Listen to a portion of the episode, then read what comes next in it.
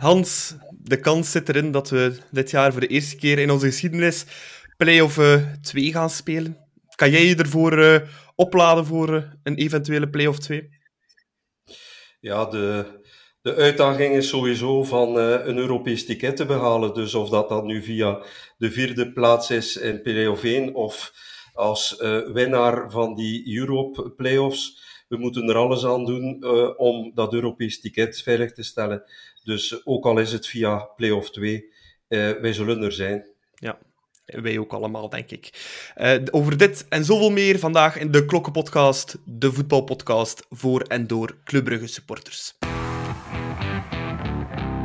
Nu iets vinden, dat gebeurt ook iets. Eén keer trappen, schitterend open. Sek helemaal vrij en de parade van Mignolet. En Sommel. En de Van Aken, ja, de goal. De gelijkmaker van Club Brugge uitstekend uit de voetbal. Farina, Juremans, Christian tegen de paal en binnen. Hans is erbij deze week. Ook uh, William is opnieuw uh, van de partij. William, je bent uh, zaterdag afgezakt naar het Gulden Sporenstadion in Kortrijk. Ik vermoed dat je met een heuse kater bent teruggekeerd, maar het was niet van het Kortrijkse bier, helaas. Nee, klopt. Nicolas was niet van het Kortrijkse bier. was een, inderdaad een serieuze kut namiddag, om het zo te zeggen, op zaterdag je denkt dan we gaan het weekend goed beginnen, maar um, dat was het niet. En um, effectief, uh, verlies op Kortrijk, dat kan gebeuren, dat kon gebeuren vroeger. Uh, maar deze hadden we eerlijk gezegd niet zien aankomen. En, um, en uh, het, was pijnlijk. En dan besefte je eigenlijk op het moment dat je uit het stadion stapt en richting de bus gaat, beseften we toch allemaal als supporters van ja, die play-off 2 zit er nu aan te komen, want Gent heeft een redelijk gemakkelijk schema. En, en wij hebben nog een zwaar schema met twee moeilijke verplaatsingen. En, en het lukt ons gewoon niet meer om, om, om die moeilijke verplaatsingen te, te winnen. En dan, uh, dan beseften we allemaal als fans daar buiten het stadion dat het moeilijk ging worden. Ik kan, kan je zeggen, de sfeer bij sommigen was, was onder nul. Zeker en vast, wat ik hoort na zo'n een op, een op, een op, dat? Een, uh, een, uh, oplawaai. Al was het geen uh, oplawaai zoals in Oostende, maar het heeft evenveel pijn gedaan. Ja. Vooraf van de match, Hans, um, kwam, het nieuws, kwam het nieuws deze week dat Rick de Mil aanbleef tot het einde van het seizoen. Ehm, moet zijn voor mij persoonlijk vond ik dat wel goed dat er een duidelijk signaal kwam. Ehm, waar we nu naartoe gingen met uh, de nieuwe trainer, of dat het nu Schreuder ging worden of uh, de Mil. Ik denk dat het ook wel goed is dat er duidelijkheid is voor, uh, voor de groep dat er dat met Rick zal zijn tot het einde van het seizoen. Hè. Ik denk in de huidige omstandigheden dat dat inderdaad de beste oplossing was. om nu in extremis nog iemand voor de leeuwen te gooien die die groep minder goed kent, was niet echt opportun. We spelen nog vier wedstrijden in de reguliere competitie en dan zes in, in een playoff formaat. En dan kan het bestuur uh, rustig uitkijken om op het einde van het seizoen een, ja, een nieuwe trainer aan te werven die vanaf deze zomer en ook een beetje de transferbeleid kan meebepalen en kan toewerken naar een, een nieuw seizoen. Dus ik kon er best mee leven met de beslissing om Rick de Mil aan te houden tot het einde van het lopende seizoen. -hmm. um, William, één iets uh, positief dat we al zagen onder Rick de Mil ten opzichte van Parker. Het waren bijna dezelfde elf die starten tegen Kortrijk. De enkele Therese Odoy die kwam op het veld voor de geblesseerde Matta bij de starting 11. Dat was toch wel een positieve evolutie, denk ik. Dat er toch wel wat gekozen wordt of gezocht wordt naar een, ja, een vaste elf. Inderdaad, ja, geen, uh, geen schorsingen, wel één blessure. Dus dan, uh, dan kan je bijna met dezelfde elf uh, beginnen. Um, en ehm, effectief, ja, Rick behield het vertrouwen in, in de spelers die standaard met 2-0 hebben opzij gezet. Um, wat op zich wel een, een, voor de hand liggende keuze was. Rick de Mil kreeg in zijn staf een deel van de Club Next staf. Uh, de trainer daar, Nicky Haaien, en uh, zijn assistenten kwamen mee over om eigenlijk een, uh, een, uh, een nieuw trainings, trainerstaf te vormen. Effectief, zoals Hans zegt, het heeft geen zin om nu uh, hals over kop nog, uh, nog trainers te gaan halen die dan uiteindelijk toch ook hun inloopperiode nodig hebben. Het kalf is bij wijze van spreken al verdronken. Dus, um, maar best um, met Rick doordoen, die toch wel iemand is die denk ik door bijna alle spelers graag gezien wordt. het is wel een aimabele gast. Een beetje zo de, de, de, de, de leerkracht waar iedereen mee overeenkomt, om het zo te zeggen. Ja, is ook leerkracht uh, geweest, hè? Effectief, ja. Of dat, nu goed of niet goed is, dat weten we niet. Het is alleszins wel iemand die, die nu, ehm, heb ik het gevoel, wel iedereen probeert mee in, het verhaal te krijgen. ik moet zeggen, ik, ik, ik zag, ja, aangezien dat we al vroeg in dat stadion worden gedropt, om, om het met de, dezelfde termen te zeggen, gelijk Queen, heb ik heel die opwarming meegemaakt. En ik vond wel dat je zag dat de trainingsstaf, dus zowel Steve Koolpaard als, als Rick, als een aantal andere van die, van die trainers, die zaten er allemaal kort op bij die opwarming en echt die gasten aanvuren en, um, en, en vertrouwen geven. Maar je voelde wel, vind ik persoonlijk, als je naar zo'n opwarming kijkt, dat er in dat team wel echt geen leiderschap zit. Dat het, ze, warmen op, maar er is, er is niet een keer iemand die zegt van oké, nu dit of een keer dat uh, Bjorn Meijer af en toe en, en, en Nielsen. Maar voor de rest, ja, je, je, je voelt dat het ook allemaal wat krampachtig verloopt. En, uh, en dat er geen spelvreugde zit tijdens zo'n opwarming. Om dan het even over die opwarming te hebben, uh, mm -hmm. waar dat we dan toch als supporters naar kijken gedurende 20 minuten. Um, in, in opbouw naar die wedstrijd toe, eigenlijk. Ja. Um, ja, het was al aftrappen, Hans. Ik vond die eerste minuten van club niet slecht. Uh, direct wat dreiging. Um, daarna ja, viel het wel een beetje stil. En uh, was toch Kortrijk die ja, met een beetje powerplay wel de bovenhand nam. Hè. Ja, het was duidelijk de opdracht om uh, zo snel als mogelijk op voorsprong te komen, omdat iedereen weet dat op, uh, op Kortrijk met het publiek erachter, uh, het is geen biljart, het, het voetbalveld. dit speelt ook sowieso in het nadeel van de voetballende ploeg. Kortrijk is gewoon van op dat uh, patattenveld, om het wat uh, oneerbiedig uit te drukken, te, te, voetballen. En als je daar dan kunt op voorsprong komen, dan geeft dat toch wel uh, wat vertrouwen. die eerste, dat eerste doelpunt viel niet. En effectief, dan voelde je aan dat Kortrijk overnam. En dat ze geleidelijk aan beter in de wedstrijd kwamen tot, tot eigenlijk aan de doelpunten. Mm -hmm. Ja, doelpunt, William kun niet zeggen dat er eigenlijk iemand zwaar in de fout gaat, vind ik. Uh, het was knap afgewerkt. Um, maar ja, we staan er dan weer hè, in Kortrijk, 1-0 achter. En om met een cliché te zeggen, dan weet je dat het moeilijk wordt. Ja, ja het was een actie van Noah op rechts, um, met redelijk wat volk voor de bal. Uh, en ik denk dat Noah probeert uh, Buchanan diep te sturen, maar eigenlijk een beetje een onmogelijke pas. Goed, we gaan die jongen ook niet overladen met alle zonden van Israël, want hij is de enige die het nog probeert. Uh, maar daardoor voelde je wel dat we achterin een beetje in een, uh, in een uh, met een man minder situatie zaten, waardoor dat Kortrijk dan ja, naar onze goal toe kon. En effectief, ja, die, die goal, de eerste trap naar doel tussen de palen, direct goal. een beetje de hoek waar dat we al heel seizoen lang de klappen krijgen. En, en dan kom je weer op achterstand, terwijl dat je eigenlijk ervoor uh, goed druk zet, goed vooruit ging. En uh, dankzij die druk ook een grote kans voor Mats Rits. Uh, ja. Een, een, een, middenvelder van Club Brugge moet zo'n bal toch tussen de palen krijgen, denk ik dan. Of, of op zijn minst nog afgeven, want er was vier man mee of drie man mee naast hem.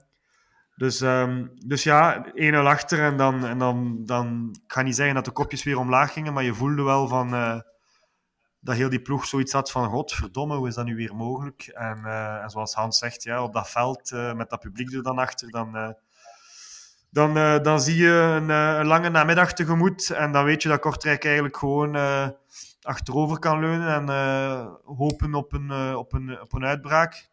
Um, en en ja, die, die, die paar minuten na de goal was Club toch wel van slag. maar uiteindelijk krijgen we wel twee grote kansen. Um, waarvan een van uh, die ja, mijn ogen toch altijd moet afwerken, alleen op de keeper. Uh, na een goede assist van Noah, als ik me niet vergis.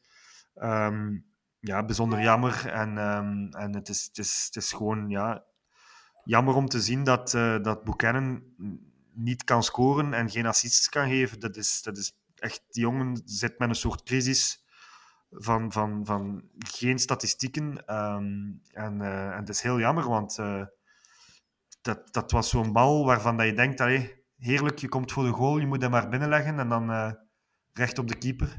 Onverklaarbaar. -hmm. Ja, misschien eventjes door te gaan, Hans, op uh, Tajan Buchanan. William, je stuurde ons vanochtend wat statistiekjes door over Buchanan. Ja, zeer weinig geslaagde dribbles. Ik denk één goal nog maar dit seizoen. Hans, is, is het eigenlijk wel een, een, een goede rechtsvoor? Want ja, als je rechtsvoor speelt, ja, dan moet je wel deliveren ook. Uh, zeker in het aanvallend compartiment. Hè.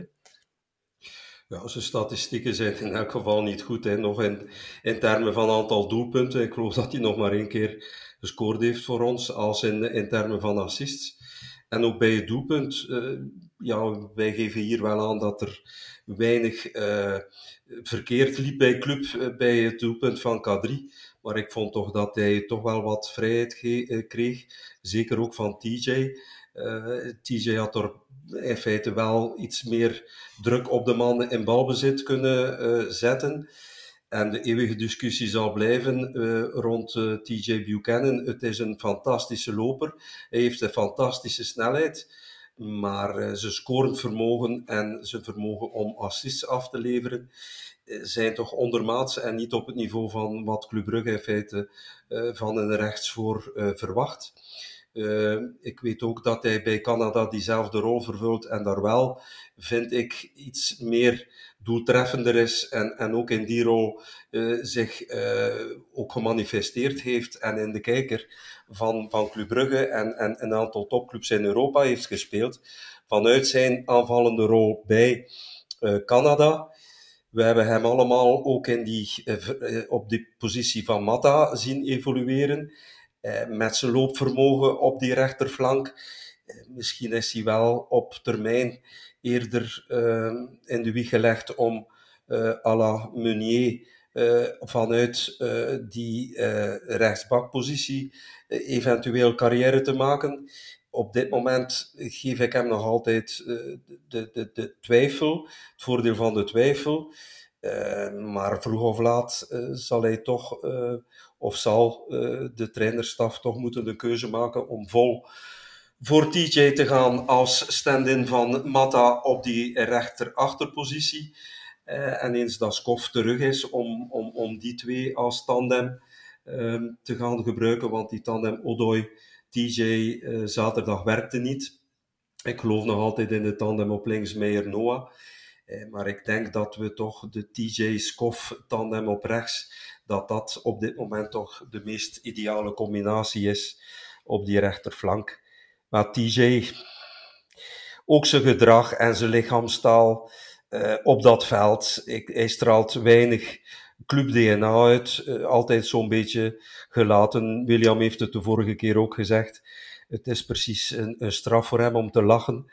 Uh, hij straalt weinig levensvreugde uit en ook voetbalvreugde uit. Het is allemaal zo'n beetje ja, geforceerd en, en, en niet natuurlijk. En ik, ja, we zeiden ook van Openda toen hij, voor hij naar Nederland vertrok, dat het eerder een loper was dan een voetballer. Uh, maar Openda heeft toch in Nederland leren scoren en nu in Frankrijk bij Lens uh, scoort hij toch regelmatig. Vorig ja. weekend twee doelpunten, weekend ervoor drie. Dus het kan op termijn dat een lopende voetballer ook nog een scorende voetballer wordt. Uh, maar uh, ja, op dit moment zie ik TJ eerder in een verdedigende rol, dankzij zijn loopvermogen, dan in een aanvallende rol voor Club Brugge. Ja, William, je had het er net ook al over, want ja, niet enkel TJ miste een grote kans vlak voor rust. Het was ook Hans van Aken met een bal dat hij eigenlijk, ja, ik denk, ik geef hem die 100 keer, ik denk dat hij hem er 97 keer intrapt. Um, het veld mag geen excuus zijn, want je speelt er alle twee op, maar ja, het is natuurlijk wel die bal botst echt net op het moment dat hij wil trappen en komt daardoor op zijn scheen. Ja, dit is... Het, het zit allemaal gewoon niet mee, oké, al die fases.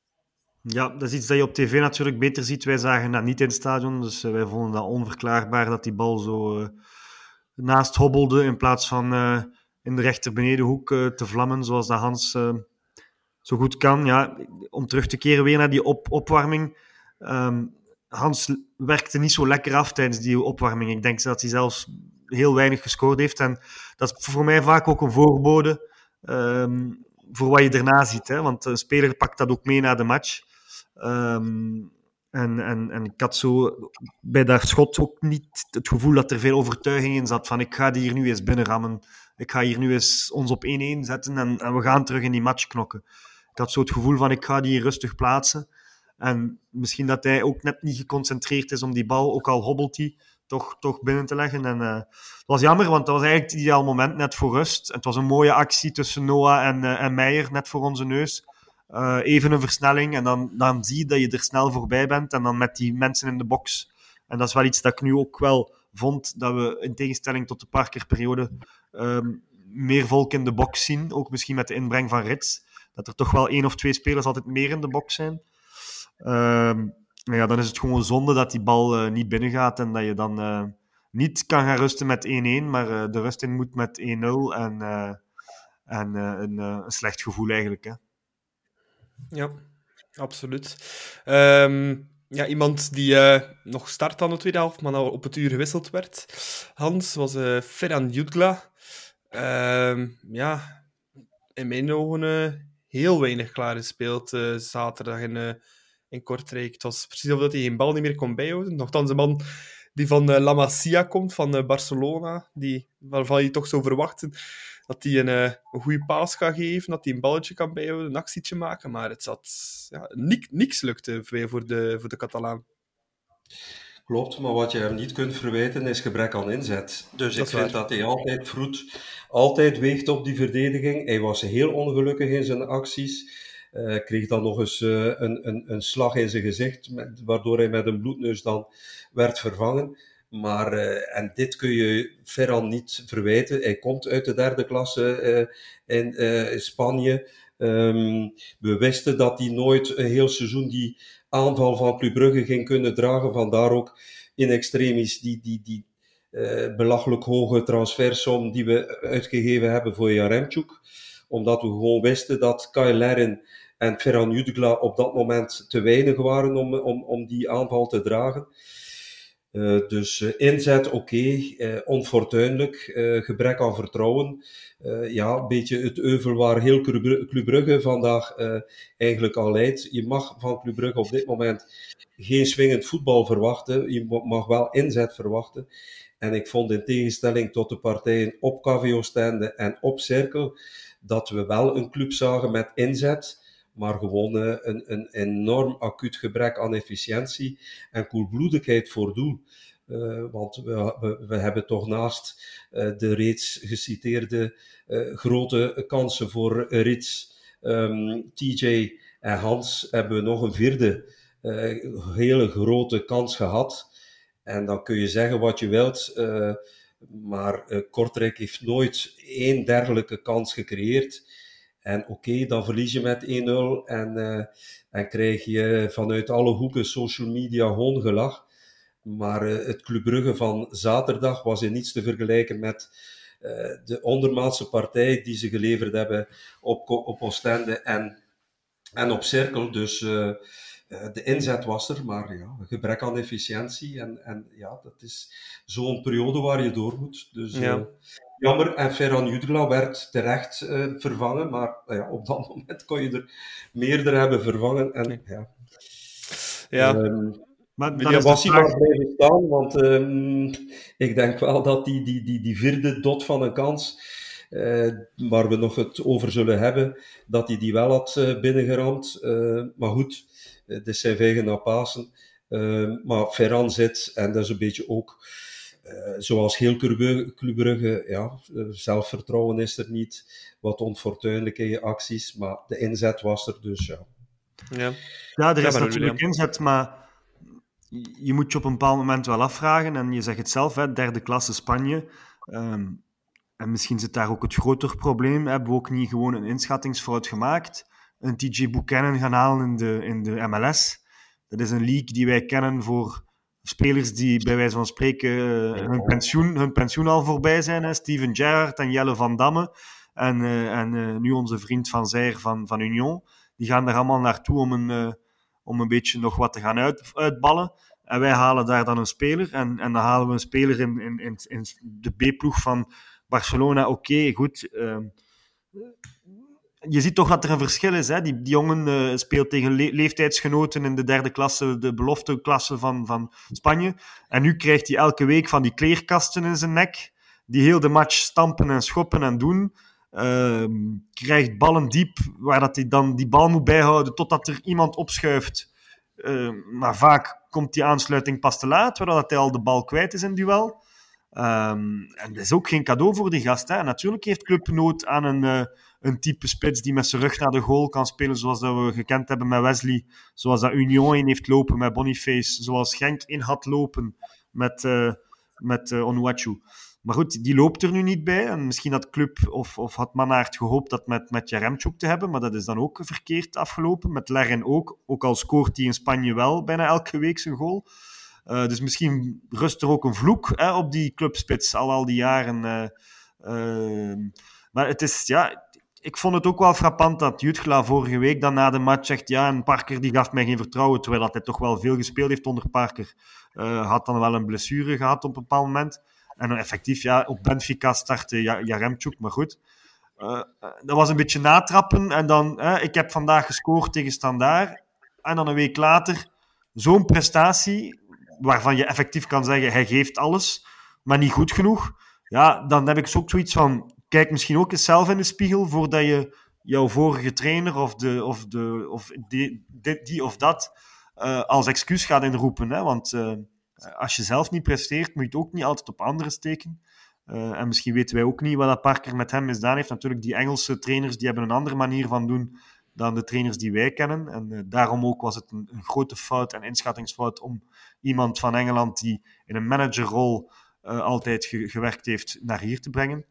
Um, maar ik vond het ook wel wat gratuit van, van, van onze vriend Ferran om, om, om na te trappen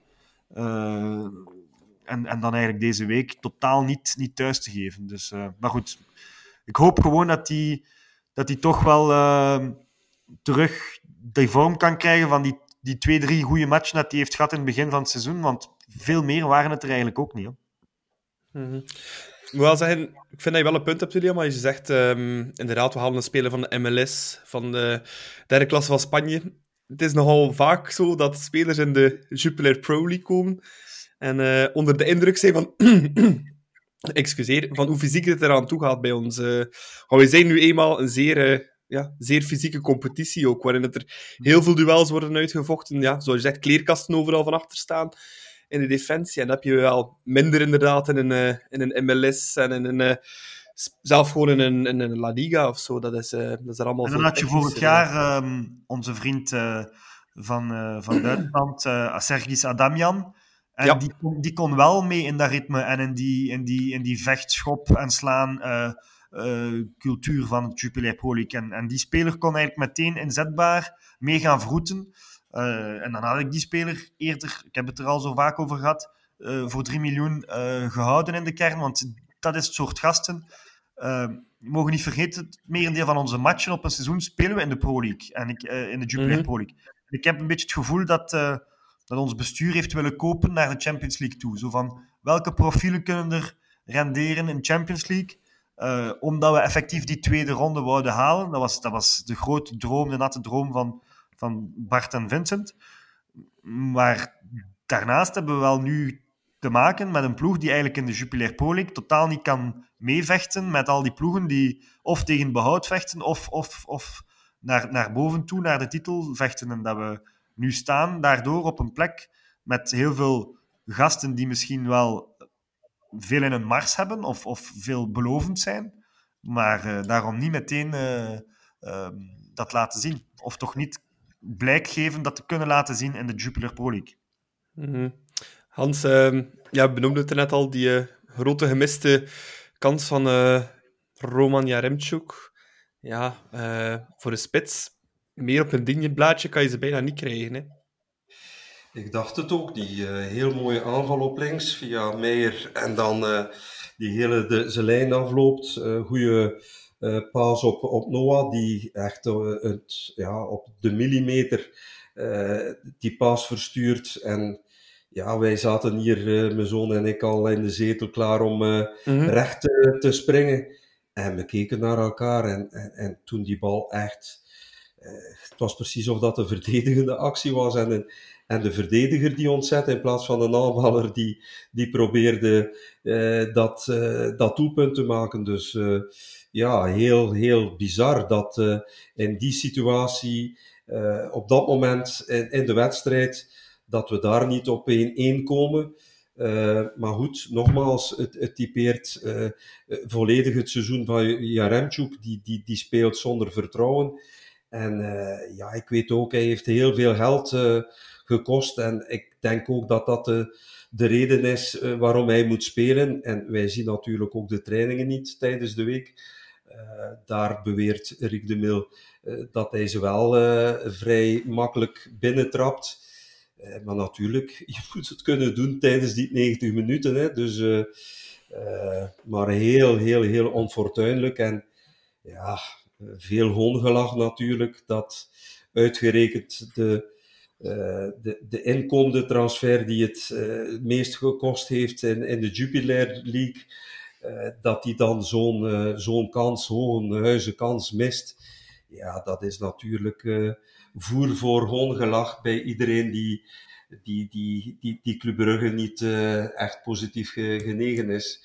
En oh ja, dat doet pijn, dat doet natuurlijk pijn, maar ook Roman heeft dat niet bedoeld. dus en ik hoor ook dat hij een van de eerste was die ook de, de supporters dan is gaan groeten. Heeft hij ook gedaan, herinner ik mij. Uh, op Oostende. op Oostende en in Benfica ook geloof ik dat hij... Nee, de, op Cirkel was hij ook de eerste die samen met Noah het, het publiek kwam groeten. Ehm, dus ja, eigenlijk zou, zou je Hans van Aken gewijs evengoed mm, zich kunnen draaien hebben en naar binnen lopen hebben, maar uh, hij, hij, hij, brengt het toch op om, op. Hij weet ook dat hij daar echt ondermaats gepresteerd heeft en toch heeft hij het lef en, en, en om, om naar die supporters toe te komen. Dus ik was er niet bij, uh, William. Ik heb wel een aantal mensen gesproken die erbij waren, die het wel hebben geapprecieerd. Dat hij ondanks die mindere prestatie toch als eerste het publiek kwam groeten. Dus dan moet je dan hem, hem ook in feite um, zeggen dat dat chapeau was van hem. Voor hetzelfde geld uh, had hij uh, de kleedkamer al opgezocht. -hmm. Ja, hij had dat misschien beter gedaan, want hij heeft wel een, een serieuze, serieus fluitconcert ah, gehad. Ik denk dat de fans uh, die er waren. Ehm, ja, ik bedoel, die, die, mensen die op al die verplaatsingen zitten, die hebben nu ook ondertussen wel het een en het ander meegemaakt aan belabberde prestaties. En, en um, ja, het was, het, was een, het was inderdaad niet leuk voor hem. Ik had er zelf ook wat medelijden mee, want hij kwam wel inderdaad met een goede bedoeling. En dan voelde hij dat het vak niet echt meeleefde met hem. Omdat ja, op een bepaald moment denk ik dat er een aantal supporters ook zoiets hebben van... Ja, hoe zit het nu eigenlijk, jong? Uh, maar bon, laat, laten we zeggen dat het bij Gent ook nooit echt een goalgetter was. Hè? En, en, en bij Benfica ook niet. En... Uh, en, maar bij Benfica zat hij op de bank, hè, op de dus, bank. Uh, Benfica heeft hem gehaald eigenlijk op basis van een paar goede wedstrijden tijdens TK. En Gent heeft daar goed aan verdiend. Uh, en nu heeft Benfica daar goed aan verdiend. En uh, wij hebben ons laten vangen de, voor de zoveelste keer. Ik heb begrepen dat de scouting niet zo positief was over de, de, de, de speler Jaremchuk, maar dat hij dus toch gehaald is geweest, wat ik dus zelf niet begrijp. ik vind dat een kemel. Um, goed, er, was, er waren andere spitsen waar dat we geïnteresseerd in waren, die een veel betere investering waren, maar waar we blijkbaar niet, of net niet op tijd waren. Dus um, ja, kijk, we zitten er nu mee. Hè? En um, er zijn twee, twee dingen. Ofwel zeggen we, we laten hem een paar weken uit de kern en hij, moet uh, terug vertrouwen opdoen. Ofwel, uh, maar goed, wat, wat, moet je zeggen? Straks tegen Serrain, we gaan hem opstellen. Hij gaat er wel een binnentrappen. Uh, ik weet het niet. Op Serrain heeft hij ook mogen spelen. Hij heeft daar ook niet goed gespeeld. Dus het, het is, het is een, een moeilijk vraagstuk. En het is, zowel hij als Jutgla zitten met een vertrouwenscrisis. En je voelde Noah na de match, ja, die, die was gewoon de, de omgespitte akker die al uh, omgespit was, nog meer aan het omspitten. Die, die, die werd gewoon gek, omdat hij ook zoiets heeft van... Wat, wat kan ik nog meer doen als flankaanvaller dan die, die bal gewoon, zoals hij zegt, inch perfect klaar te leggen voor die spitsen of, of voor die flankspelers zoals Buchanan. Um, maar goed, die moet daar ook mee opletten, want um, bij Noah kan dat snel een keer overslaan. Hè. Tijdens de rust op uh, Benfica heeft hij ook heel de ploeg uh, voor het fort uitgescheten, waardoor dat ze hem gewoon uh, in de kleedkamer gelaten hebben. Um, je moet daarmee opletten en hij voelt zich misschien ook wel wat beter dan de rest. En hij is, effectief wel op dit moment de beste speler samen met Meijer. Maar in een, in een team en in een ploeg mag je dat niet zo laten blijken. En uh, ja, je, je voelde bij het uh, fluitsignaal dat het allemaal wel echt ja, de, de, de drie, vier spelers die leiders zouden moeten zijn. Mignolet, Van Aken, Rits, die bleven wat op de achtergrond. Uh, en eigenlijk was het dan de, de jonge Romeo Vermand die, die de supporters wat kwam sussen om, om Jaremchuk toch, toch aan te moedigen. En chapeau voor die jonge gast. Ik bedoel zo jong uh, daar al meteen een beetje als corifee, bij wijze van spreken, de boel gaan sussen. En hetzelfde voor Spileers. Ik vond dat opmerkelijk. want effectief, de, de, de, de, de, andere spelers die stonden maar een beetje met het staart tussen hun benen wat naar achter. Ehm, misschien ook, ja, die zijn het misschien ook wat beu van het iedere keer te moeten komen uitleggen. Dat kan ook. Maar ehm, opmerkelijk was dat, uh, dat uh, de jonge Romeo Verman toch een beetje de supporters kwam sussen en toont dat die gast toch wel wat ballen aan zijn lijf heeft. Ja. Nog laatst iets over Roman Jaremchuk, Hans. En we gaan het direct ook nog hebben, verder hebben over Vermand en de andere ex-spelers. Het was een stelling van Thibaut, VN, die heeft ingestuurd. Uh, vraagt, ja, moeten we het Jaremchuk doen? Zeker naar volgend jaar toe, is dat terugverkopen, uitlenen. Want allee, ja, vertegenwoordigt ook wel, los van het feit dat hij niet veel scoort, ja, een enorm kapitaal voor club. Hè. 17 miljoen, dat is een heel grote investering voor een speler die ja, niet super jong is. Uh, hij kan er nog op verdienen, maar ja, dan moet hij wel presteren. Hè. Het is een hele moeilijke, want effectief, een club uh, heeft altijd gesteld na drie titels in België dat ze de kloof met die subtop in Europa wilden dichten. En dan ga je natuurlijk wel voor een knelpuntpositie zoals de spits, durf je wel eens doorduwen, maar eh, de keuze om dan Jaremchuk te nemen, ik herinner mij, eh, die Muriki werd dan omwille van oogproblemen afgeserveerd, 10 miljoen. We waren bezig met Sander Bergen van Sheffield United, ook rond de 15 miljoen. En uh, we zaten met eigenlijk op een hoop, uh, op een berg met geld. En dan werd op de laatste dag van de, de Mercato beslist om, om dat met, met Kyle Lerin, ik, ik, ik, ik, val in herhaling, en met Jutgla, dat dat onvoldoende was om, om, om op drie fronten te gaan strijden, werd dan voor de zekere optie gekozen om, om, om Jaremchuk aan te werven. Ik heb die keuze eigenlijk nooit begrepen, want hij was op dat moment zeker geen vaste waarde bij Benfica. En voor, voor dat bedrag, wat toch een groot risico was en voor mij nog altijd symbolisch voor een beetje een arrogante transferperiode wat we vorige zomer hebben gehad, buiten Bjorn Meer, waren daar veel, weinig eigenlijk succesvolle transfers onder. Uh, maar goed, ik denk dat als je als bestuur zijnde na drie titels uh, en je wil die stap zetten naar Europese overwintering, Champions League uh, en, en iets meer gaan betekenen binnen Europa, dat je waarschijnlijk dan tot dergelijke zotte bedragen overgaat.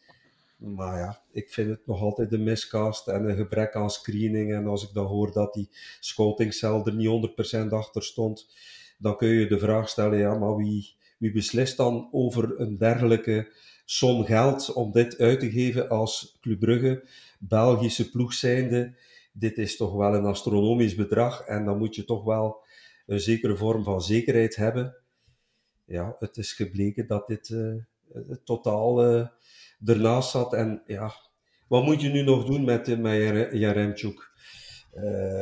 Ik, ik weet het niet. Uh, komt het nog goed dit seizoen? Ik, ik vrees ervoor. Twee doelpunten, van voldoende kansen gekregen om zich te bewijzen. Moet je hem de volledige voorbereiding gunnen en ja, sowieso, als je hem verkoopt, kapitaalsvernietiging tot en met. heel moeilijk, maar het is een van die arrogante beslissingen die, die, die wel een beetje denk ik, de, de, de drie voorbije transferperiodes in feite symboliseren. Want ja, ze hebben niet goed ingekocht. Hè. De laatste drie seizoenen, ook al hebben we drie, drie titels behaald, vind ik toch dat, dat er op transfervlak toch wel heel grote blunders zijn gebeurd. En ja, ik denk dat daar ook een reset nodig zal zijn om eens goed te kijken hoe we naar de toekomst toe dit eh, beter kunnen, uh, risico's beter kunnen inschatten. Want ja, iedereen ziet dat dat nu wel een kapitale blunder was, uh, mm -hmm. Ja, William, als de, ja, de miljoenentransfers het niet kunnen doen op het veld of niet kunnen waarmaken, dan maar met uh, de next spelers had moeten Rick de Mil gedacht hebben. Want uh, debuut voor zowel uh, Talbi als Vermand in, in Kortrijk. Um, toch een beetje een, een Rick de Mil effect, denk ik wel. Het feit dat die jonge jongens ja, nu wel effectief een kans kregen, ook in dat eerste elftal. Ja, ik denk dat er twee redenen zijn. Enerzijds dat er eigenlijk niet veel anders nog op de bank zit. Hè. Was niet geselecteerd gekwetst of niet, niet veel goesting. Ik weet niet wat dat was. Uh, Soa was ook niet geselecteerd. Dus, um, dus Vermand en Talbi uh, in de kern. Uh, twee spelers die het bij Nect heel goed doen. En eh, elke week assists en, en goals voor, voor Next hebben. En, en die vooral ook toon, toonbeeld zijn van, van ja, echt professionele voetballers te zijn die er willen voor gaan. En dan begrijp ik dat, dat de Mil zegt, ik ga, ik ga die brengen. En uh, ja, Buchanan die viel gekwetst uit, dus Talbi mocht komen. En, en Vermand mocht nog wat mee op het einde oorlog maken. Nu, je voelt wel dat het voor die gasten toch een, een ander niveau is meteen. Hè. Um, dat mag je niet onderschatten. Hè. Ook al spelen ze met Next elke week frivol voetbal. Dat wil niet zeggen dat ze daarom probleemloos kunnen meedraaien met, met de eerste ploeg. Maar ik denk dat de evolutie is die we nu gaan moeten nemen. Um, als je ziet hoe dat nu toch al twee, drie matchen uh, met de eerste ploeg probleemloos meedraait. Uh, en het misschien zelfs nog, nog beter doet op bepaalde vlakken dan, uh, dan routinier Brandon Mechelen. Dan denk ik dat dit de, weg is die we moeten inslaan. Um, ik, ik vind het, zoals Hans zegt, we hebben nu twee zomermercato's eigenlijk dramatisch gehad. Hè? we herinneren ons nog onze vriend Otasowi 4 miljoen, um, die zit nu ondertussen ergens op een eiland, niemand weet waar, maar effectief niet meer te voetballen. Um, dus al dat geld dat is weggegooid aan spelers die het eigenlijk totaal niet gemaakt hebben bij club, die spelers die zogezegd werden gescreend en door tien verschillende mensen uh, geïnterviewd voordat ze gehaald werden. Um, we zien het niet meer, die, die, die, die screening. En dus nu zit je eigenlijk met een ploeg met spelers die veel te veel geld kosten, uh, veel te hoge lonen. En mogelijk volgend jaar geen Europese inkomsten. Hè? Want dat, dat kan, hè? als je straks play-off 2 moet spelen tegen Anderlecht, Standaard en Westerlo, dat je daar die play-off 2 niet wint in het, in het huidige, um, in de, de, huidige vorm die we hebben. Ja, dan ga je wel enerzijds spelers moeten verkopen. Hè? Dan denk ik aan een Buchanan, een Scovolsen en een Noah Lang. Maar dan ga je ook niet meer het geld kunnen door de ramen gooien om, om nieuwe spelers te halen. En dan ga je toch wel die inbreng van die next-spelers moeten, uh, moeten gebruiken en die, die doorstroming gebruiken. En dan denk ik aan een Rovio Vermand, dan denk ik effectief aan uh, Noosa die er al even is, aan Talbi uh, en, en waarschijnlijk nog een aantal spelers. Want ja, uh, die kas, we hebben er veel geld mee verdiend met de Champions League dit jaar. Maar die zullen misschien nodig zijn om, om de putten te dichten van de mislukte transfers. Dus ja, je kan niet elk jaar blijven 50 miljoen investeren in een ploeg om dan niet te presteren. Hè? Want op een bepaald moment zal, zal Bart of de, de, de, Amerikaanse aandeelhouder ook zeggen: nu is het genoeg geweest, nu gaan we even normaal doen. En ik denk dat dat deze mhm. zomer wel het geval zal zijn. Ja, dus uh, inderdaad iets dat we, dat we, in de toekomst zullen zien. Um, Hans, je bent uh, zondag dan naar uh, Club Next tegen Beerschot geweest. Ja, een ploeg die volop meedoet voor ja, promotie naar eerste klasse. Next won 2-1, maar ik hoorde dat Vermand en vooral Talbi die Antwerpenaren helemaal zoek speelden op, bij momenten. Dat zijn toch allee, positieve tekenen, denk ik, dan aan de wand. Inderdaad, het verwonderde mij eigenlijk dat die beide starten en zelfs een uur gespeeld hebben. Maar het grote verschil tussen het uh, A-elftal van Club en Club Next is dat uh, Club Next is echt een, uh, een team, een voetbalteam, die, die vinden elkaar blindelings. dit is echt qua voetballend vermogen en looplijnen een lust voor het oog. ze verrassen mij nog, nog altijd. En uh, zowel Romeo Vermand, die scoorde van op de strafstop als, als Talbi, die waren heel uh, wedstrijdbepalend. En je ziet dat die in een flow zitten, die, dat zelfvertrouwen is er. Het is echt een, plezier om die jongens bezig te zien. Diepgang, snelheid, altijd mensen in beweging. Het is een echt team. En het A-elftal bulkt van talent, maar het is veel minder een team dan uh, Club Next. Dus uh, ik heb het uh, mij nog geen seconde um, berouwd dat ik een abonnement genomen heb op Club Next. Want eerlijk gezegd, ik, ik, ik, ik heb al veel plezier beleefd aan uh, die, die thuiswedstrijden van die, die jonge harden. Dus ja, nee, dus heel leuk. En om, om ze bezig te zien. En ook het voetbalplezier en die samenhorigheid. Alles in feite wat ik veel mis bij elf, uh, bij het A-elftal. Uh, maar goed, dit is onze toekomst, dus dit moet ons positief stemmen. En ik zie inderdaad de Romeo's, de Talbis, de Spileers en de Homas wel op termijn naast Noosa ehm, speelminuten krijgen. En of dat die nu dragend zullen zijn naar de toekomst toe, dat is weer koffiedik kijken, maar het, uh, het oogt allemaal goed. En uh, iedereen had de mond vol over Neerpede. En Neerpede zou eens gaan bewijzen in 1B dat de jeugdwerking in Brussel veruit de, de beste was. Maar ik zie toch dat Club Next zowel hun leeftijdsgenoten van Standaard Genk als Brussel, MOV echt achter hen laten. Dus chapeau voor die jongens. Dus, uh, plus, het zijn ook allemaal andere jongens dan in het begin van het seizoen. Hè. Dus er zijn er veel vertrokken die ook dachten van uh, uh, andere orden op te zoeken om daar meer speelkansen te krijgen. Dus ja, heel leuk om ze bezig te zien. -hmm. William, met die ehm, nederlaag in Kortrijk ja, voelden we allemaal de bui een beetje hangen voor onze vierde plek. Ik ben altijd naïeve optimist die dan altijd hoopt dat uh, Gent punten gaat verliezen tegen, uh, tegen Eupen, maar niks was uh, minder waard, werd gewoon 3-0. Uit de top 5, uit de top 4 gevallen nu, um, en als je de balans ziet na 30 matchen, ja. 13 wins, 10 gelijke spelen, 7 keer verloren. Ja, dat is... Dan, dan hoor je niet thuis in play-off 1, lijkt het me. Om het heel streng te zeggen, maar ja. Dat zijn cijfers die wij niet gewoon zijn. Als supporters. En ik moet zeggen, uh, ja, je voelt dat er veel supporters zijn die er uh, echt niet van slapen en uh, ervan wakker liggen. en ik ben zeker dat ze dat bij club trouwens ook, ook zo zijn, toch, toch bij het bestuur. Misschien niet, sommige spelers misschien niet, maar ik, ik, ik ben streng voor het bestuur en voor een aantal mensen over transfers en zo, zoals we daarnet wel kunnen horen hebben.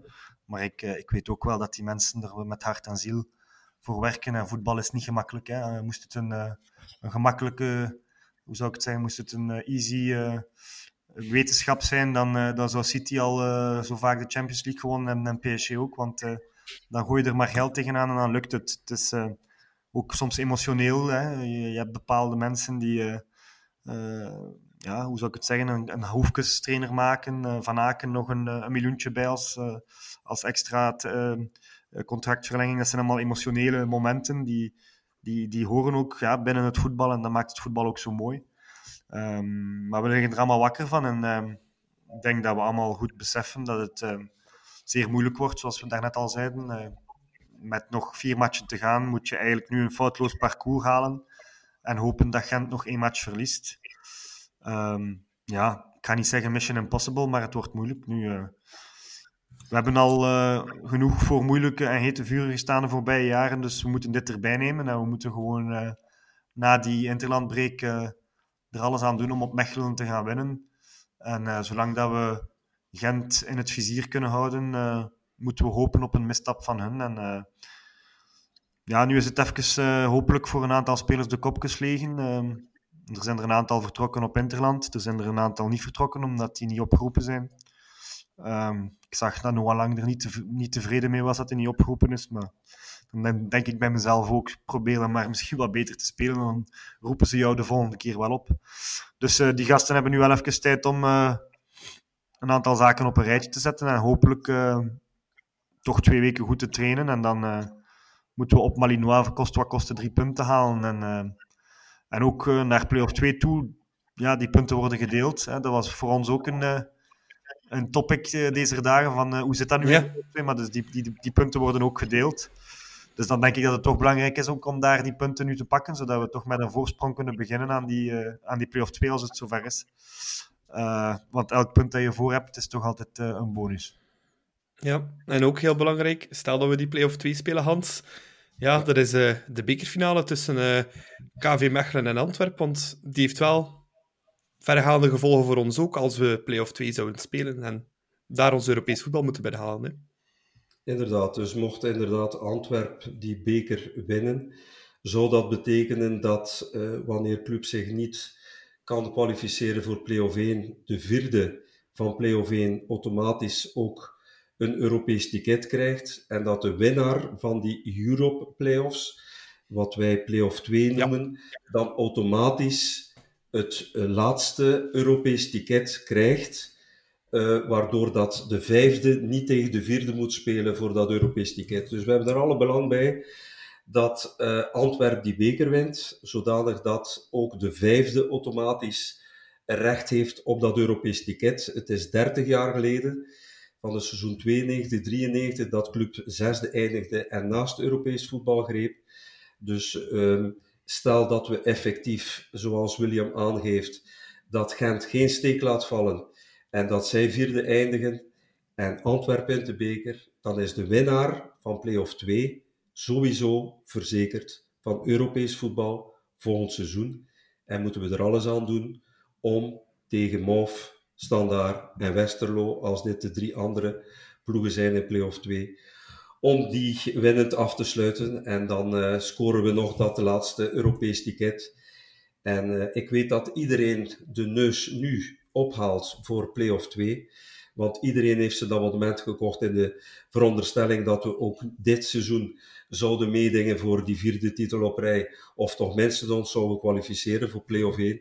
Maar goed, uh, supporter zijn, dat betekent ook dat je in zo'n minder jaar kunt meemaken.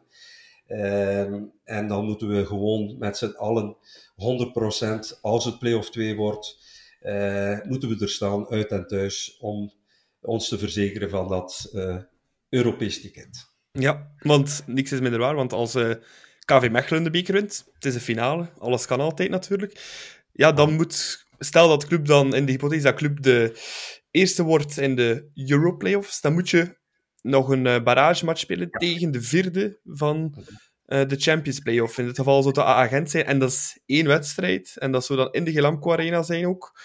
Uh, in het geval dat de stand hetzelfde zou blijven, dat is niet evident. Uh, om daar dan in de allerlaatste match van het seizoen nog dat Europees voetbal af te denken. Dus ja, het, het klinkt een beetje als horror in onze oren, maar eigenlijk moeten we echt hopen dat rood-wit het haalt van uh, rood-geel in de bekerfinale. Jammer genoeg, maar het is helaas de harde realiteit als, als clubfan, denk ik.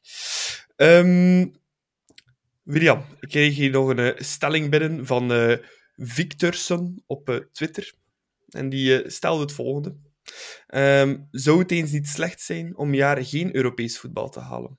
Uh, hij zegt, kijk naar Genk, kijk naar Antwerp. Die hebben uh, dit jaar ja, geen Europese ballast gehad. En daardoor misschien wel ja, pak beter hebben kunnen presteren in, uh, in die Jupiler Pro League. Um, ja, of is dat geen optie voor jou? Victor Sonne is denk ik de man op Twitter die in Barcelona woont. Dus die heeft heel het jaar lang Europees voetbal. Uh, nee, ik, ik vind... Uh, bedoel, ik, ik heb, uh, we hebben ook één seizoen onder Leco zonder Europees gespeeld in de voorrondes eruit. Dus dat telt niet als een seizoen zonder Europees voetbal, want we hebben effectief wel voorrondes gespeeld. Um, oh, ja, ja. Um, dus um, daar lagen we er toen uit. en toen zijn we inderdaad kampioen geworden, omdat we effectief wel wat frisser waren. Maar ik vind wel, um, uh, Europees voetbal moeten wij gewoon spelen. Eén, het is voor de fans de leukste matchen. Want laat ons zeggen, laat ons eerlijk zijn, als we de voorbije twee seizoenen onze Europese wedstrijden weglaten, dan hebben we niet die mooie avond tegen PSG, die mooie avond in Leipzig, niet die mooie avond op Porto, die mooie avond thuis tegen Atletico Madrid. Wat hebben we dan? Ik weet het niet. Wat hebben we nog leuke andere matchen gezien? Niet echt, hè? Ja, tegen Union vorig jaar een hard bevochten zegen met 1-0. Maar dit waren wel de matchen waar wij als fans naartoe leven. Die aways met de vrienden, dat is hetgeen waarvoor wij als supporters leven. Dus uh, ik ga nooit zeggen dat we geen Europees voetbal moeten spelen om, om fitter te zijn. Trouwens, dit weekend hebben we gezien dat de drie ploegen, uh, Agent, Anderlecht en Union, die toch zwaar bevochten uh, wedstrijden gespeeld hebben op donderdag, redelijk gemakkelijk hun wedstrijd hebben gewonnen. Um, ik herinner mij club die op Beziktas uh, exact zoveel jaar geleden um, de kwartfinales behaalde van de Europa League. En drie dagen later de bekerfinale tegen Mauve moest spelen. En we hebben toen ook niet gevoeld uh, dat, we, dat we zware match in de benen hadden. Dus nee, ik ben niet akkoord met die stelling. Um, ik kan uh, echt enkel maar één ding hopen, is dat we het uh, Europees voetbal halen. En pas op, die voorrondes in de Conference League, ik weet niet hoeveel dat we er moeten spelen. want dat, dat, dat heb ik niet opgezocht. Nou, dat heb ik ook nog niet opgezocht, maar dat is ook nog geen cadeau, hè, want dan moet je eind juli al naar Cyprus of naar uh, Malta. Um, met, uh, met een aantal spelers nog in vakantiemodus. Uh, dus ik hoop dat we ook op tijd gaan klaar zijn met het werk deze zomer. De, de trainer op tijd gaan hebben. En op tijd eventueel de nieuwe transfers laten toekomen. Want als je met dezelfde elf of dezelfde kern die nu um, met moeite goesting heeft om op Oostende en Kortrijk zijn borst uh, of zijn truitje nat te maken, uh, een voorronde match moet gaan spelen in, in Cyprus of in Malta tegen uh, elf opgepepte spelers, dan, dan zal je wel zoals Meleko misschien een keer er ook weer kunnen uitleggen. En dat, dat willen we toch ook niet meemaken. Dus ja, we zijn er nog niet, maar Europees voetbal zou ik zeker nooit links laten liggen.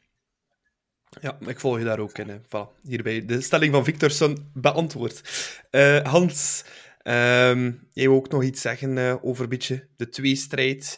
Dat er ook wat leeft tussen, uh, tussen de clubfans. Je had er ook uh, zelf iets op je social media opgezet. Um, wil je dat nog eens duiden voor ons? Ja, ik, ik, ik merk gewoon dat bij een, na een verlieswedstrijd wordt Club Brugge altijd gebrek aan inzet verweten en grinta. maar en Velen zeiden, ja, mochten we spelen zoals Kortrijk, met het mes tussen de tanden, dan verlies je daar niet. Maar wij zijn een voetballende ploeg. Wij zijn een, een, uh, een ploeg die het moet hebben van combinaties. Terwijl dat uh, Kortrijk nu eenmaal met zijn beperkte middelen een, een, een ander soort voetbal en fysisch voetbal speelt, wat uh, automatisch wordt geassocieerd met inzet en grinta. Uh, maar je mag dat niet verwachten van Club Brugge. Ik vond na de wedstrijd waren er veel scorebordjournalisten onder onze fans die zeiden: we verliezen met 1-0. Hoe kun je nu tegen Van Kortrijk verliezen met 1-0? En ik merkte ook dat er een kloofje, en ik zou het geen generatiekloof, want dat is een veel te groot woord, dat het verwachtingspatroon en de manier waarop met die nederlagen wordt omgegaan, bij de iets oudere supporters die de 80, 90 eh, jaren en de Sovjet-jaren hebben meegemaakt, dat die wat meer relativeringsvermogen hebben, misschien wat naïver zijn, maar dat ze daar toch op een andere manier op reageren dat de iets jongere generatie, en ik, ik, ik noem het de social media generatie, die, die, die direct uh, heel gelaten en, en de, de spelers neersabelt uh, en, en, en direct met de grond gelijk maakt. En daar heb ik het een beetje problemen mee. Op Twitter verschijnen er dan van die uh, jongens die zeggen: Hier, uh, mijn zetje verkocht tegen Eupen en, um, en, en, en. En ze zien me niet meer terug. Ik zal geen liter uh, nog verdoen aan, aan, aan zo'n ploeg van vedetten en arrogante zakken ik met mijn mentaliteit, ik, ik, heb jaren, als ik iets kocht uit de club, clubshop en er stond een embleem op, het, het, logo stond op een verpakking, ik heb ze jarenlang gespaard. Ik kon het niet over mijn hart krijgen om een, een karton met daarop het clublogo in de vuilbak te deponeren. En ik, ik, ik kan nog altijd, ik heb er moeite mee dat mensen op een zo negatieve manier over Club Brugge spreken. Uh, wij zijn de grootste club geworden in België, met het grootste budget, met op papier in feite de, de, de beste selectie aan spelers, het grootste talent, wat ook het grootste, de grootste marktwaarde uh, vertegenwoordigt. We hebben drie keer na elkaar die titel gehaald. Uh, de, de pers staat klaar om club neer te sabelen, omdat wij op papier de grootste zijn. En als je dan onder je eigen fans moet lezen hoe ze, uh, er gelachen wordt met, met, met die mindere periode waar Club Brugge in zit, dat strookt niet met mijn manier van supporteren, maar iedereen beleeft het op zijn manier. Ik vind nog altijd dat je als supporter, als je een abonnement neemt, doe je dat in eer en geweten. En dan weet je dat in sport kun je winnen, kun je verliezen. En als je Club Brugge Um, als je de titel viert en dan 200 kilometer in je wagen kunt zitten om die titel te vieren in Jan Breidel, dan vind ik ook dat je moet kunnen omgaan met Club Brugge in een mindere uh, fase. En daar zitten we nu in, in een minder seizoen. En uh, dan verdien je ook, als je nu um, je abonnement virtueel uh, opgeeft, dan vind ik ook niet dat je Club Brugge verdient wanneer ze uh, de, titel, de ene titel na de andere binnenrijven. Dus dat was een beetje mijn frustratie, wat ik ook geuit heb. Uh, en, en ik ontwaarde daar ook in de WhatsApp-groepen waar ik deel van uitmaak, dat de jongeren anders omgaan met die verliespartijen dan de ouderen, die misschien al wat meer kunnen relativeren, al meer uh, meegemaakt hebben. Misschien zijn we wat naïver, maar bij, ja, ik heb het gevoel dat de jongeren soms eerder klaarstaan met de botte bijl om uh, de club af te breken. En daar heb ik het soms uh, moeilijk mee. En ik zeg niet, je hebt uitzonderingen bij de ouderen, je hebt uitzonderingen bij de jongeren. Maar in grote lijnen merk ik dat er toch wel een mentaliteitsverschil tussen die twee supportersgroepen. Ja, ik, ik merk ook wel, ik ken ook heel wat supporters die pas een abonnement zijn hebben genomen sinds de jaren 2016, 17, die dan eigenlijk vijf titels in, in zeven jaar hebben meegemaakt. Ik, zit nu zelf aan mijn eh, twintigste jaar als uh, abonnee. Um, ik, heb ook, ik heb die laatste titel onder Soljet meegemaakt, waar we een fantastische machine waren, maar dan ook die elf jaar daarna, waarin dat we ja, geen deuk in een blikje trapten, bij wijze van spreken, op sommige momenten. Uh, dat we blij waren met een, eh, met een derde plaats op het einde van het seizoen, dat we daar op voorhand voor tekenden. Um, ik denk dat het ook allemaal meespeelt natuurlijk. Is ook een, hoe dat je het altijd hebt beleefd, als je altijd de club hebt beleefd als de ploeg die minstens de tweede plek haalt en bijna altijd kampioen speelt. Naar ineens, ja, nu ja, we gaan vijfde worden, of vierde wellicht, uh, in misschien het beste geval. Ja, sommige mensen verstaan dat heel moeilijk. Uh, ik denk dat het ook een realiteit zijn, moet leren mee omgaan. Hè. Klopt, klopt. Ik ben opgegroeid in de periode dat Club de Underdog was. Dat, dat de prijzen gewonnen werden door Brussel en Luik. Dus uh, uh, vandaar, we hebben moeten leren omgaan met, met verlies. We zitten nu gelukkig in een sportieve hoogconjunctuur. de voorbije zeven jaar vijf titels, zes keer op rij Champions League. En ik begrijp dat het moeilijker is en dat, dat, dat jongere supporters minder geduld hebben wanneer het wat minder goed gaat. Maar goed ja, dit is nu eenmaal ingerend aan het supporter zijn. En supporter betekent steunen. Dus uh, nu hebben ze ons meer dan ooit nodig. Maar natuurlijk, het is geven en nemen. Uh, en ze moeten het ook afdwingen. Mm. Maar uh, ja, ik vind niet dat de laatste twee wedstrijden je de clubspelers een gebrek aan inzet, aan grinta kunt verwijten. Wel aan efficiëntie. maar goed, dat is mijn stelling. En bij deze heb ik die ook nog even kunnen ja. ventileren. Ja, nee, maar ik vind ook zijn ook geen... De mooiste successen komen ook altijd na de diepste dalen. Uh, ik herinner me die bekerfinale op uh, tegen, uh, tegen Mov in Brussel. met die goal van Refailov. die titel het jaar nadien. Ik heb ze nog nooit zo hard een prijs gevierd als die twee, denk ik. En dat kwam ook een beetje uit die frustratie van de jaren ervoor. Dus soms zorgen de diepste dalen al voor de, ja, voor de mooiste overwinningen nadien terug. Dus dat moeten we zeker koesteren. Maar we gaan over naar uh, heel positieve zaken. Iets heel leuks dat uh, recent tot bij ons is gekomen. Uh, en daar gaat William ons direct iets meer over vertellen. Het is een nieuwe sfeercollectief dat gelanceerd is in Jan Breidel. Bruges, Bruges Loyals. Moet zeggen, zorgen dat ik het juist uitspreek. Um, William, het is een nieuw supporterscollectief, Brits getint. Um, maar je kan er ons ongetwijfeld wel iets meer over vertellen. Hè? Ja, het, uh, het is eerder een supporters, uh, een sfeergroep dan een, een collectief. Ja. Dus de bedoeling is dat we eigenlijk, um, we zijn vooral een aantal um, mensen die in de Noordboven zitten, ook wel een aantal mensen die in de rest van het stadion zitten, maar we zijn eigenlijk al, al een aantal jaren dat wij samen staan op Aways en ook elkaar samen in de Noord weten zitten en, en, en proberen om het, het stadion vanuit de Noordboven op sleeptouw te nemen of op verplaatsing, zowel Europees als in binnenland. Um, en ik denk dat we nu ook door, door de, de, het slechte seizoen qua, qua resultaten en het, de sfeer die ook, of, of de support die een beetje weggeëpt is door al die jaren titels te winnen en, en een beetje, ja, hoe zou ik het zeggen? Ik ga niet zeggen dat we dikke nekken zijn geworden, maar we hebben toch een beetje zo een, een, een meer toeschouwerspubliek dan supporterspubliek. En uh, vanuit die, die goesting om, om terug een beetje er wat in te krijgen, hebben we met een aantal mensen uh, ons samengezet. En is de bedoeling om, uh, om zowel club um, in binnen- en in buitenland, zowel dus in, in de Noordboven als in, op, op, op Oasis, om, om met een aantal mensen samen te staan en een beetje die, die, die command-sfeer, die, die, die roar-sfeer die, die we gekend hebben sinds de jaren tachtig in, in Jan Breidel, een beetje terug in de Noordboven te krijgen, hè, waar, waar het uh, de laatste jaren toch qua, qua, qua sfeer en qua support een beetje stilgevallen is. En, en vooral dan om eigenlijk samen te kunnen staan um, met die mensen, want we, we, staan nu met een aantal, uh, iedere keer 10, 15 zitjes tussen ons. En als we naar rechts staan om te roepen, ja, dan krijgen we meteen wat opmerkingen achter ons.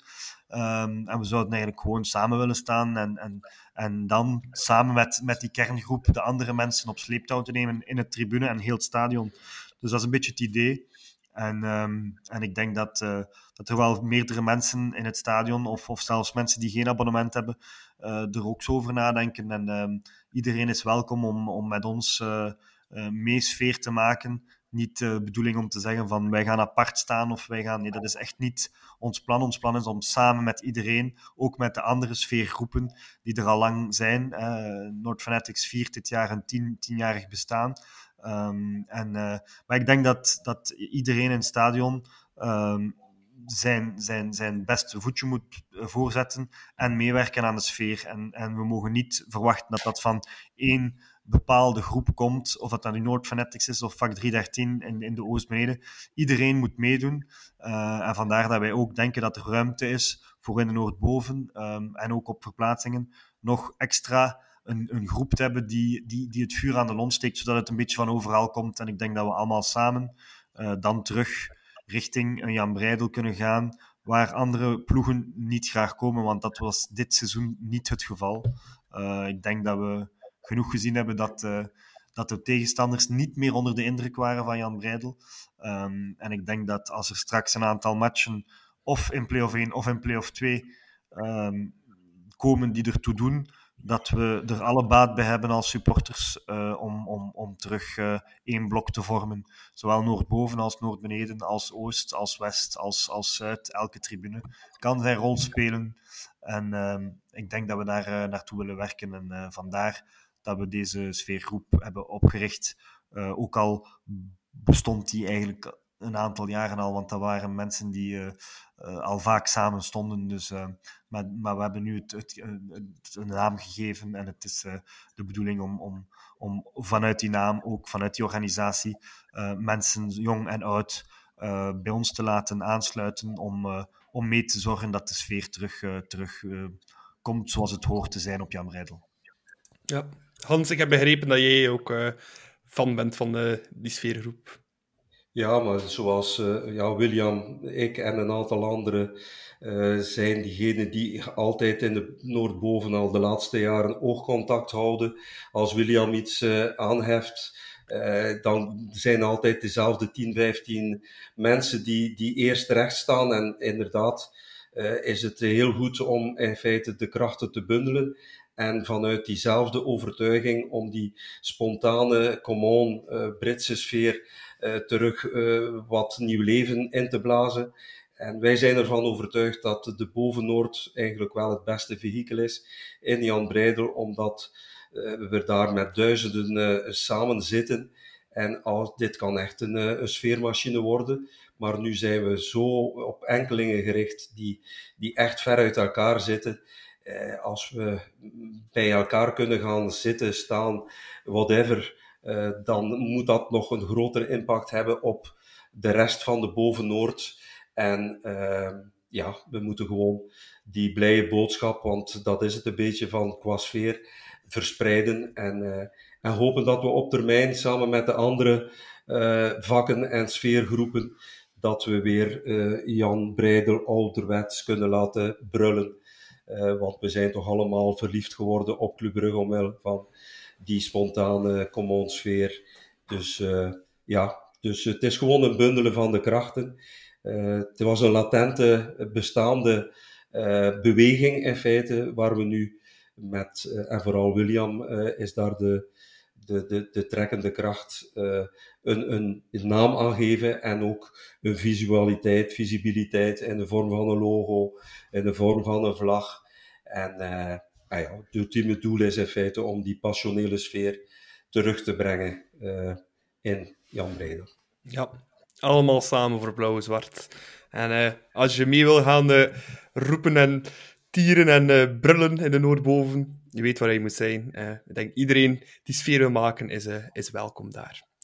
Voilà, we zijn op het einde gekomen van onze aflevering van vandaag. Ehm, volgende week is er interlandvoetbal, dus geen Actua-podcast van de klokken. Maar we gaan wel iets speciaals doen. Um, William en ik hebben binnenkort een andere podcast over de vloer. We gaan nog niet verklappen wie. Um, waar we een special mee gaan maken. Maar het is wel iets waar we allebei naar uitkijken, denk ik, William. Zonder uh, een namen te doen.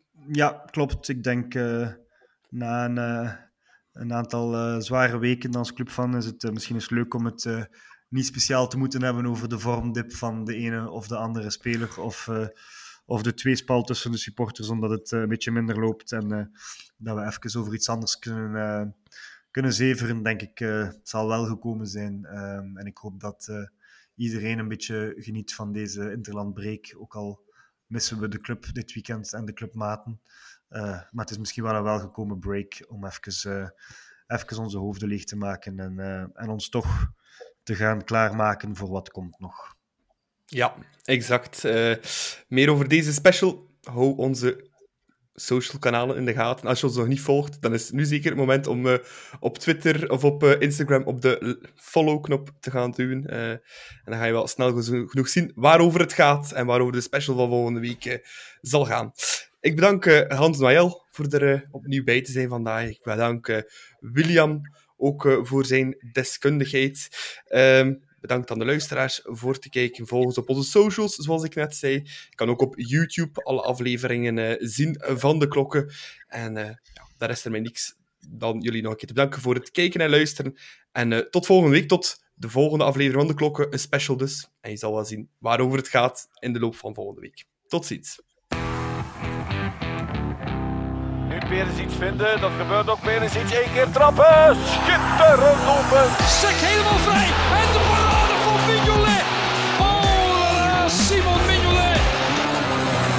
Sobel. En de Van Aken. Ja, de goal. De gelijkmaker van Club Brugge uitstekend voetbal. Marina Geuremans.